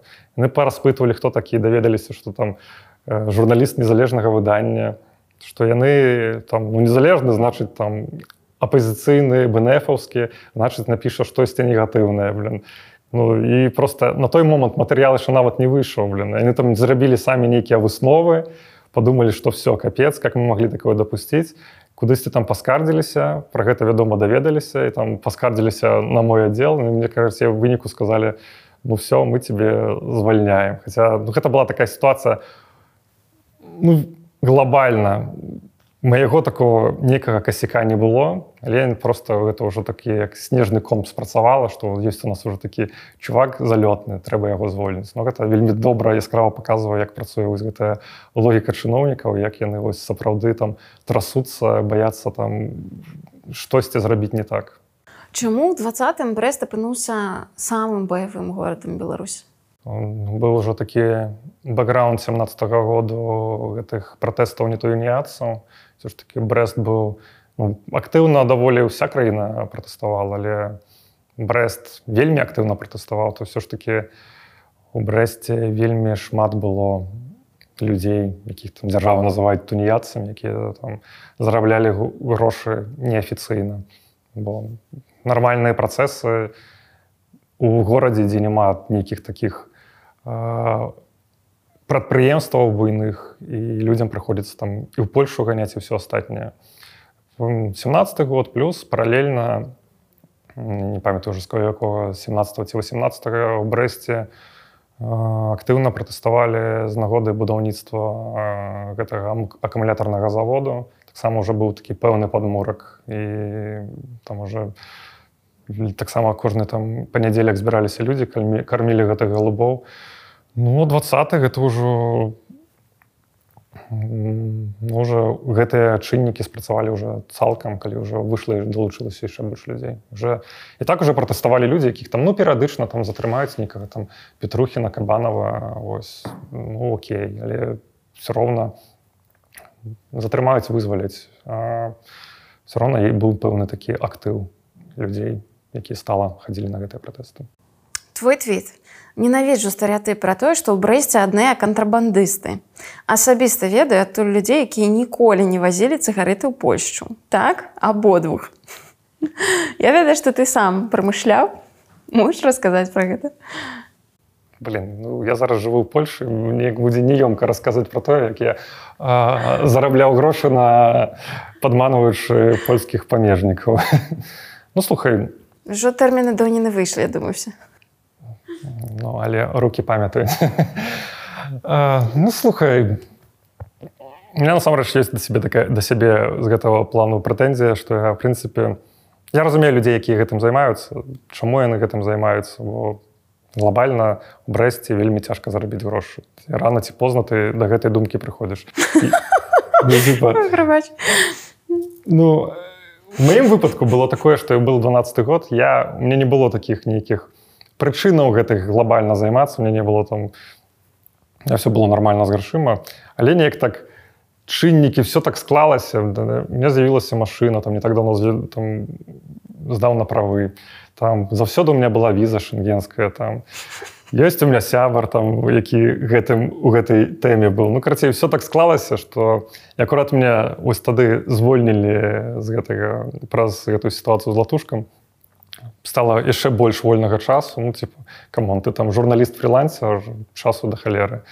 Куды яго падзець? Ну можна на гэта. Ну просто нічога ў гэта не ўкладаў акрамя цыгарету машыну. І ну типа паехаў першы раз з корішам но ведаеш ён да яшчэ такі кажа блин такая машына яна такая нетыповая для кантрабанды типа давай шмат не будзем класці я не ведаю дзе хаваць давай пакладзем 8 блокаў типа засунули 8 блокаў гэта 80 пачкаў цыгарет правезлі атрымалі там грошы там все атрымалася ну выніку там умоўна недзе такі заробак ад усе паездцы 100 долараў я такі думаю блин хош сказаць что я вось пасядзеў 4 гадзіны ў машыне на мяжы і за гэта атрымаў 100 долараў думаю ніфігасамі гэта атрымліваецца і гэта за тое что паклаў машину 8 блокаў. А гэта калі пакласці 20 блокаў атрымаецца 250 долараў. Ну наступны раз паехаў паклаў 20 атрымаў 250 долараў. Я такі думаю Вау так что у меня яшчэ была машина тады яшчэ былі абмежаванні на для машин на якія на бензіне ці дызелі. Можна было раз 8 дзён толькі ездзіць. Я такі разумеў што раз 8 дзён гэта чатыры паездкі ў месяц гэта можна тысячу даляраў атрымліваць думаю, ну і просто на гэта садзішся як на наркотык ну, ну да тых часоў калі першы раз я не загоніць на яму і не атрымаеш штрафы тады это трошки ця прыземляе атрымліваў штрафы? Вядома. Але просто першы свой штраф я атрымаў калі ўжо праездзіў больш за паўгады. Я просто я просто быў упэўнены што я нейкі фартовы што меня гэта ніколі не закранее таму я такі ганяў быў шчаслівы ну, атрымаў штрафы так. Але гэта з першым штрафам ці ўжо все становіцца уже пачынаеш інакш на гэта глядзець А колькі штраф быў памятаеш ну, слухай ну 12 год тады былі штрафы насамрэч не вельмі вялікія пазней у 13 годзе застаў перыяд калі штрафы павысіліся ў два разы гэта адразу адбілася ну на мэтазгоднасці ўсяго працэсу што типа ну камон ты зарабляеш столько же а рызыкуеш болей больш і ну, штраф там штосьці я вёз 21 блок знайшлі ў машыне загналі на яму знайшлі 14 блокаў 7 яшчэ не знайшлі то бок я там яшчэ гэты 7 прадаў ну просто пада попаў по грошах я штосьці на 100 долларов типа такое. Ну типа гэта не шмат было. Это былі вельмі такія лагодныя часы такой типа ну крыўдна 100 долларов згубіў але типа до гэтага полгады ты ад'ездзіў там типа все норм. Ну, былі такое так скажу занятак вельмі спецыфічны. Разумею людзей якія чаму яны гэтым займаюцца але гэта дакладна там развіццём сам самого сябе не займаешься. Только развіццём сваіх нейкіх скілоў кадрабандыскіх і все там гэта на жаль мяжа і вось гэта чаканне ў мяжы гэта часцей за ўсё это все ж таки нейкая такая чалавечая дэградацыя часам у людзей проявляецца максімальна нейкі такія негатыўныя рысы там ось там гэтыя все сваркі за чаргу там гэтыя там сваркі паміж сабой гэтых кандармандыстаў ну были забавные есть одна такая коротенькая, могу распавесці. Давай. Мы карацей 12 год во Львове праходзіць музычны фестываль захід захід фест тады там мехалок з ляпісам у лепшай сваёй форме крамбамбуля і там яшчэ здаецца нейкі беларускі гурт. Ну было зразумела што шмат беларусаў туды паедзе паедуць мы з сябрам вырашылі таксама ехаць але подумалі навошта ехаць э, там аўтобусам парыцца давай поедем на машине на сваёй і знікла нас гениальная ідэя что паехаць з брэста не напрамую на Львоў а праехаць праз польскую мяжу Ну гэтым логікі такой глобальнай няма то есть лагістычна гэта аднолькава надо трэба ехаць але ты на Польшы ці трэба праходзіць две мяжы польскую пазней украінска і ну то бок ты згубіш час на гэтай мяжы болей. Але ў гэтым есть логіка калі ты катрабандысты ты збіраешься закінуць цыгареты зарабіць там свае 250 даляраў пазней ехаць во Львоў іх прапіваць. Ну типа так значна цікавей і прыемней. Мы так і зрабілі мы праехалі скінули цыгарету зарабілі грошы паехалі на польско-украінскую мяжу. І гэта былі часы ну, там да тэлеграмаў чата да чата ў тэлеграме далёка. і наша была вялікая памылка што мы просто ніяк не прабілі якая сітуацыя на мяжы што там увогуле куды мы едзем просто едзем кудысьці у невядомае месца там. І мы прыязджаем і просто шакаваныя бачым велізарную можа на 7 кіламетраў типа чаргу з аўтамабіляў такія і там яшчэ такая дарога ну такая двух каліюка то есть там типа туды і назад яшчэ сплошная лінія типа мы такі становімся ў гэтую чаргу типа ну то бок абагнаць мы не можам бо будзем парушаць правілы становімся падыходзім да мужичкоў які там стаяць украінцы кажам А што здарылася яны кажуць сэнсе кажу чаму такая чарга? Я кажу ну, тут звычайна так типа. і мы такія блин а за колькі пройдзем он такі ну калі пашасці то за суткі пройдзем мы ехалі а у першы дзень фестывалю там праз чатыры гадзіны пачынаецца фэст выступае крамбамбулі мы такія ясна крамбамбулі мы сёння не пабачым калі пашасці то заўтра пабачым ляпіса і мы такі стаім уже злыя самі на сябе падумалі блин пагналіся за гэтымі 250 далярамі за гэтымі далярамі пагналіся і зараз самі сябе ў гэтую капкан гэты трапілі ў гэту пастку блин якія мы дурні стаім такія расшараваныя стаять сутки а мы там уже задарыся ў бедронцы я уже піва адчыніў ну разумею доўга стаять уже стаю п'ю піва тут пад'язджае да, да нас страж гранічна ну то есть польскія памежнікі і спыняецца побач з маім аўтамабілем і такія типа выходзяць там а дзе я скаровца таго самаходу там типа я уже з півам стаю такі, так, неяк там хаваю падыходжу да іх і гэты памежнік мне кажа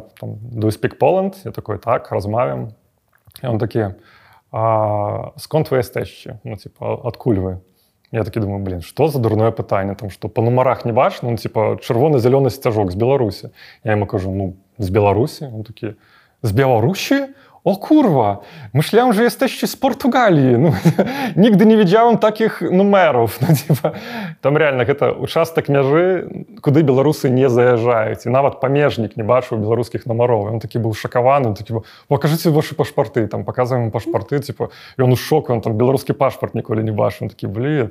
І стаіць такі паржалі за ім, такі блин, ну класна, прикольна і такі кажа, слухайте а куды вы едете кажем ну, мы на музычны фестываль там под львовом будем такі вы там товары везеце мы кажем ну вось там піва недопіта яшчэ ляжыць там продукты ён такі блин так що вы тут стаіце чого стаіце там типа гэтая чарга?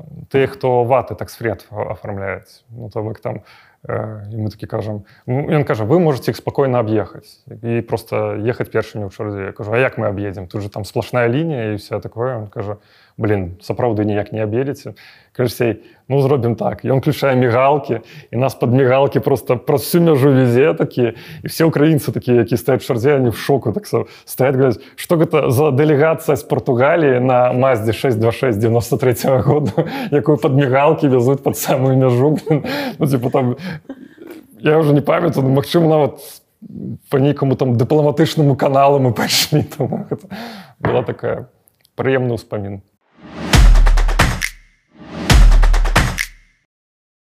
Як ты патрапіў малады фронт? Ну слухай, калі ты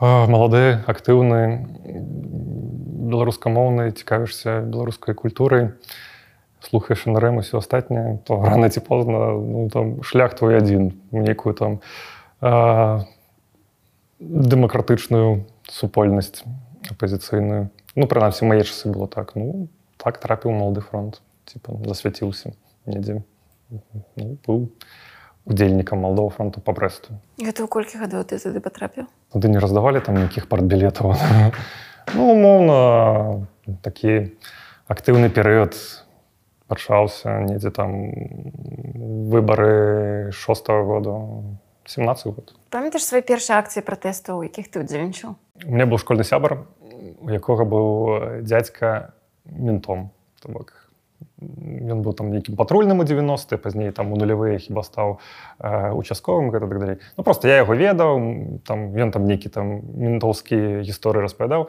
я ведаў што у гэтага э, дзядзькі быў лепшы сябар не просто там нейкі сілавік алмазавец просто вось гэта крапавы берет все такое. Таксама нейкі там гісторыі там то як ён там гэта здаюць на крапавы берет там з гэтым сябрам уже давно на той момант не гутару і недзе напрыканцы нулявых падчас нейкай акцыі 16 там раздаваў улёткі гэты дзядзька там пабачыў мяне пазнаў падышоў і просто такі запытаўся о слухай там что там раздаеш я такі он по форме быў але быў не, не па службе он так па-сяброўску так, нібыта слухай что там что там гэтак там ты там таксама в апозіцыю падаўся да. ну всякое такое нейкае ахінеем пазней кажа слуха ты ведаеш такого э, чувака раней вось быў у брэсце такі актыўны таксама давно не бачыў сяржук бахон. Типа сяржук бахон быў такі малдафронтавец яшчэ з 90-х такі такі вельмі актыўны чувак.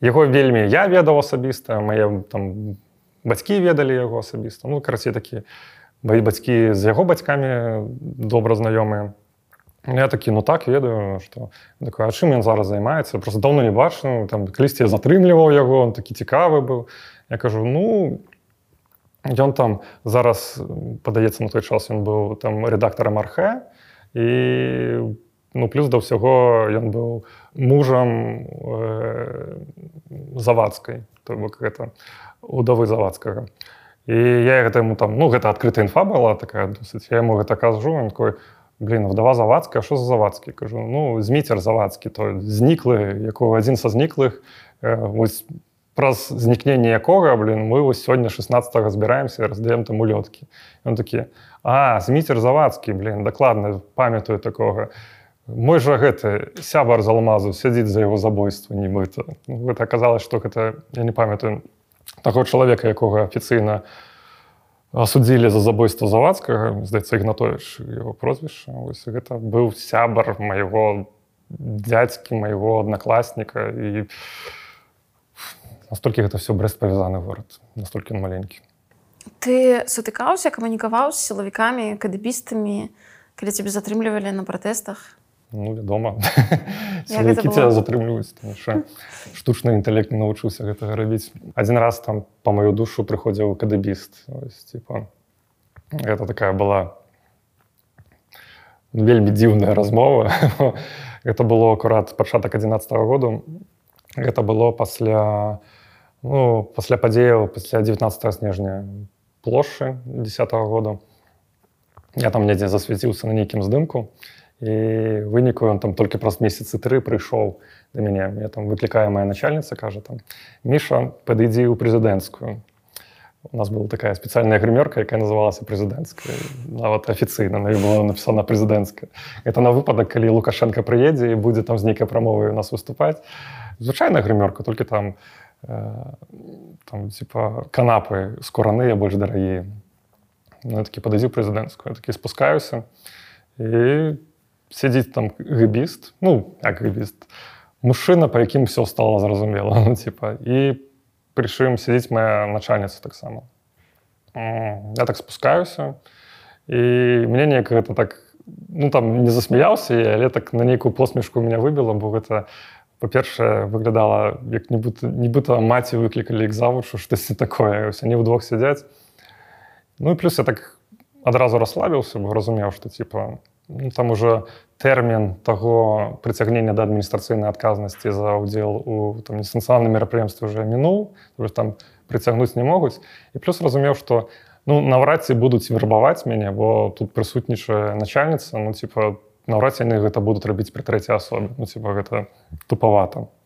Я так неяк расславіўся ну і плюс меня вельмі так узрадавала калі я пабачыў што яны так селі за стол а стул для мяне паставілі асобна типа так пасярэдзіне там памяшкання я все ведаў дзе гэтыя прыколы ну там, там як былы маладафронтавец там часам удзельнічаў ва всялякіх гэтых тренінгах э, грамадзяніны следства які там праваабаронца усцінаў рабіў. Ён там распавядаў як былы мент ну, якія там як працуюць сілавікі. Што адзін з прыёмаў гэта акурат такі паставіць стул недзе пасярэдзіне пакою яны самі будуць сидзець за столом каб там назіраць і тваю невербальную реакцыю там цалкам і каб ці ўвогуле было незручна каб не мець такую псіхалагічную перавагу над табой.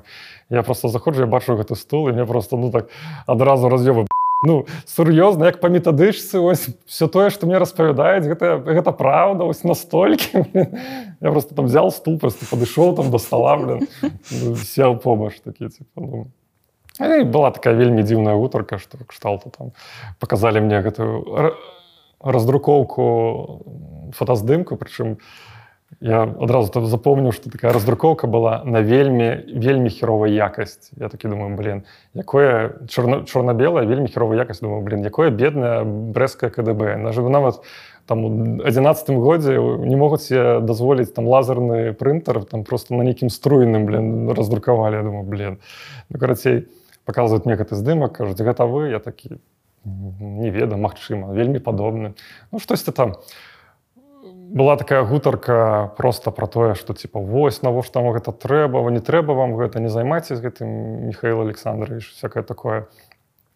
Хотя ну на той момант я так нічым не збіраўся займацца гэта был 11 год калі я уже такі для себе вырашыў ну типа все выборы мінулі я з усёй такой змагарскай дзейнасцю завязваю я уже там пераключаюся ну, уже вучыўся на журфаку типа і в прынцыпе уже падпрацоўваў на той момант уже з нейкімі медыя я уже разумеў што буду працаваць на журналістыкі якая са змагарствам не сумяшаецца но мне для мяне было прынцыпова што нельга з ім неяк так пагаджацца што ён там кажа ну, там что-то вы будете себя нормально весці ну ці щось такое разумею что гэта может там мне неяк дыскрэдытаваць что ну типа умоўна может там меня пишутць яшчэ что-небудзь что я там з ім нейкую вусна заключу нейкую дамову і гэтаму мне можна будзе неяк так з часам прыпаднесці я просто так штосьці сказаў ему ну, я вас пачуў і все на гэтым гутарка закончылася я такі типа ну, нават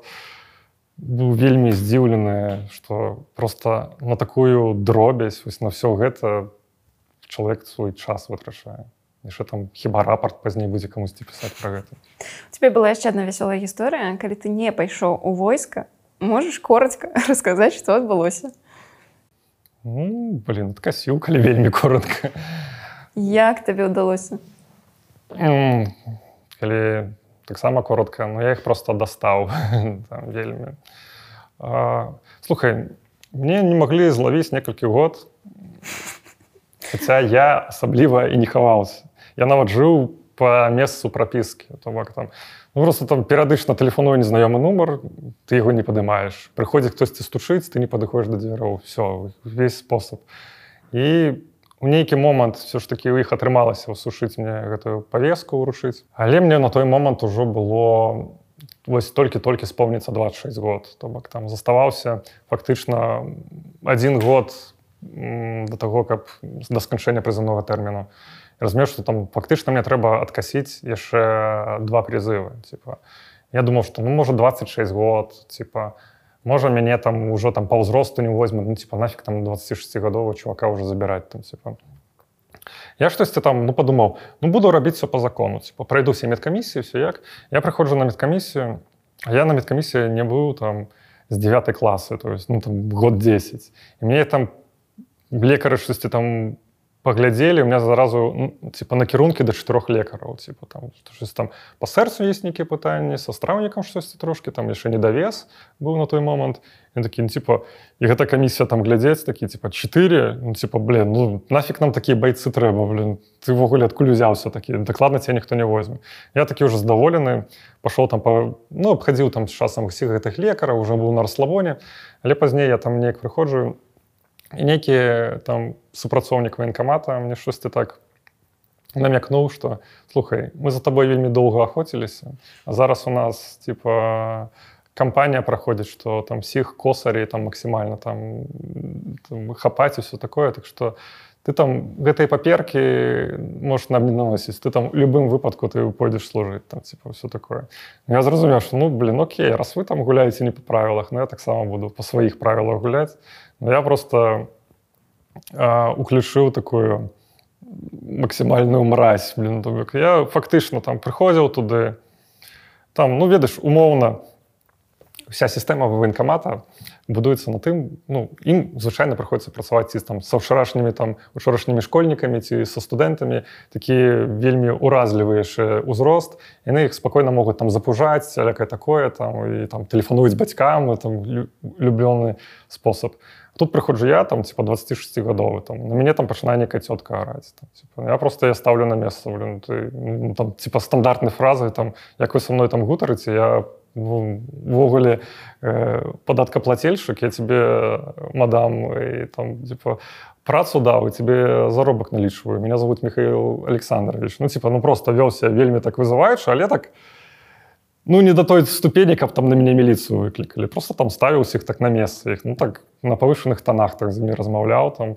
Іх ад гэтага вельмі бомбіла вельмі жорстка пэўны момант там дашоў до нейкага майора які такія кажа мне там штосьці фразу все ты там не хочаш служыць там типа там Окей там, ці накіроўваем у транспартныя войскі там будзеш там месте з баптістамі там шпалы цягаць такі типа все зразумеў я так я памятаю цяпер кажу ну шчыра кажучы мне пофіг дзе не служыць у выніку я дайшоў да так званых купцоў якія прыехалі адбіраць там за таких транспартных войскаў і за мной гутараць і кажуць якім вы працуеце? Такі ну, журналіст еўрарадыо там типа незалежнага выдання і такія типа типа незалежное это что-то оппозиционное там бнфовское что-то я так говорю ну, так там жыве Беларусь слава пазняку типа. Так и сказал ну что такое так.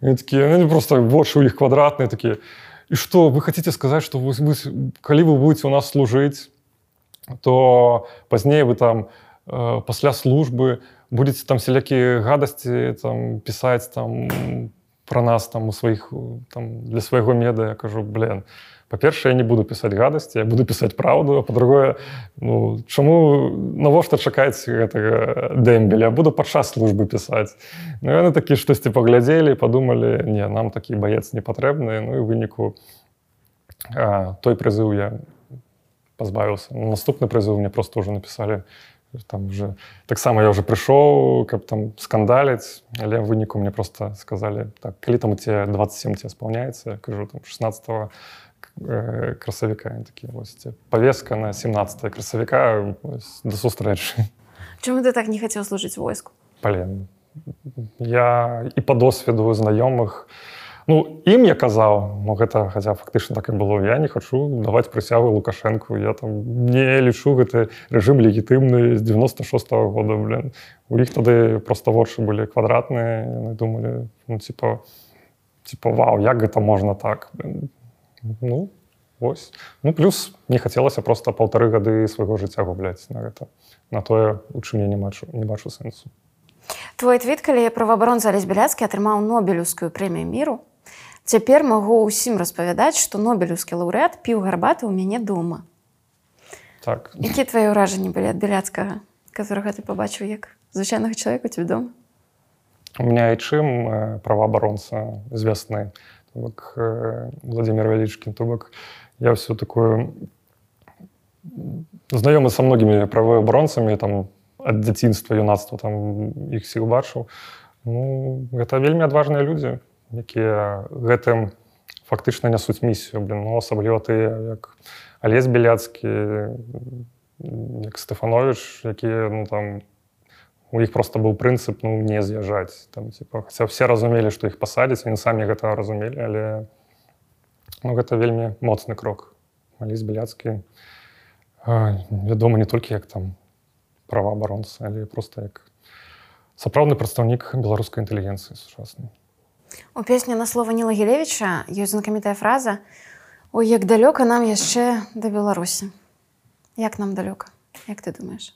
О, ну, тут з вільні не так далёка некалькі кіламетраў десяткаў ну, слухай мы зараз перажываем э, працэсы якія мне насамрэч ну калі адкінуць усе негатыўныя працэсы там рэпрэсіі все астатняе для беларускай нацыянальнай ідэі мы перажываем вельмі важны такі час. Двадцаты год умоўна. Там хоць там шмат трагічнага было але лічу што ўсё ж такі для сучаснай гісторыі беларусі гэта пакуль што самы важны год які быў. Бо ўсё ж такі атрымалася аб'яднаць нацыю нават калі часам гэта былі рэпрэсіі там нейкія шмат чаго негатыўнага але ну я за ўсё сваё жыццё раней такога не бачу то бок умоўна Ладно, такі прыклад. Там типа, у дванадцатым годзе я там першыню паглядзеў серыял клан сапрана я такі Вау які класны серыял такі круты. Хочацца з кім-небудзь падзяліцца каб з кім-небудзь яго абмеркаваць але гэта серыял уже на той момант был стары ніхто яго не глядзеў 6 сезонаў ніхто не хоча глядзець я ўсіх там сяброў давай паглядзі такі класны ніхто не глядзіць. Ось двадцаты год гэта ведаеш такое адчуванне как будто нібыта усе навокал у паглядзелі клан сапрана тое што тебе заўсёды падабалася тое што ты лічыш крутым і ўсе ну, там нібыта ацверазелі вось в адзін момант. І гэта ну, за гэтымі працэсамі калі там бачыш там сотні тысяч чалавек на вуліцы з белшываны белымі сцягамі ну, гэта неверагодна правда гэта вельмі круто. Дякуй табе за размову табе дзякуй была прыемна сябры дзякуй што даглядзелі гэтае відэа да канца. Гэта вельмі высокая ацэнка таго што мы робім. Калі у вас з'явіліся ідэі думкі пасля прагляду гэтага інтэрв'ю то пішыце пра гэта ў каментарах а таксама подписывайтеся на наш канал каб не пропусціць новыя выпускі ток і на канал наша неваньюз дзе мы публікуем па буднях свежыя выпускі гарачых навін Дякую што вы з намі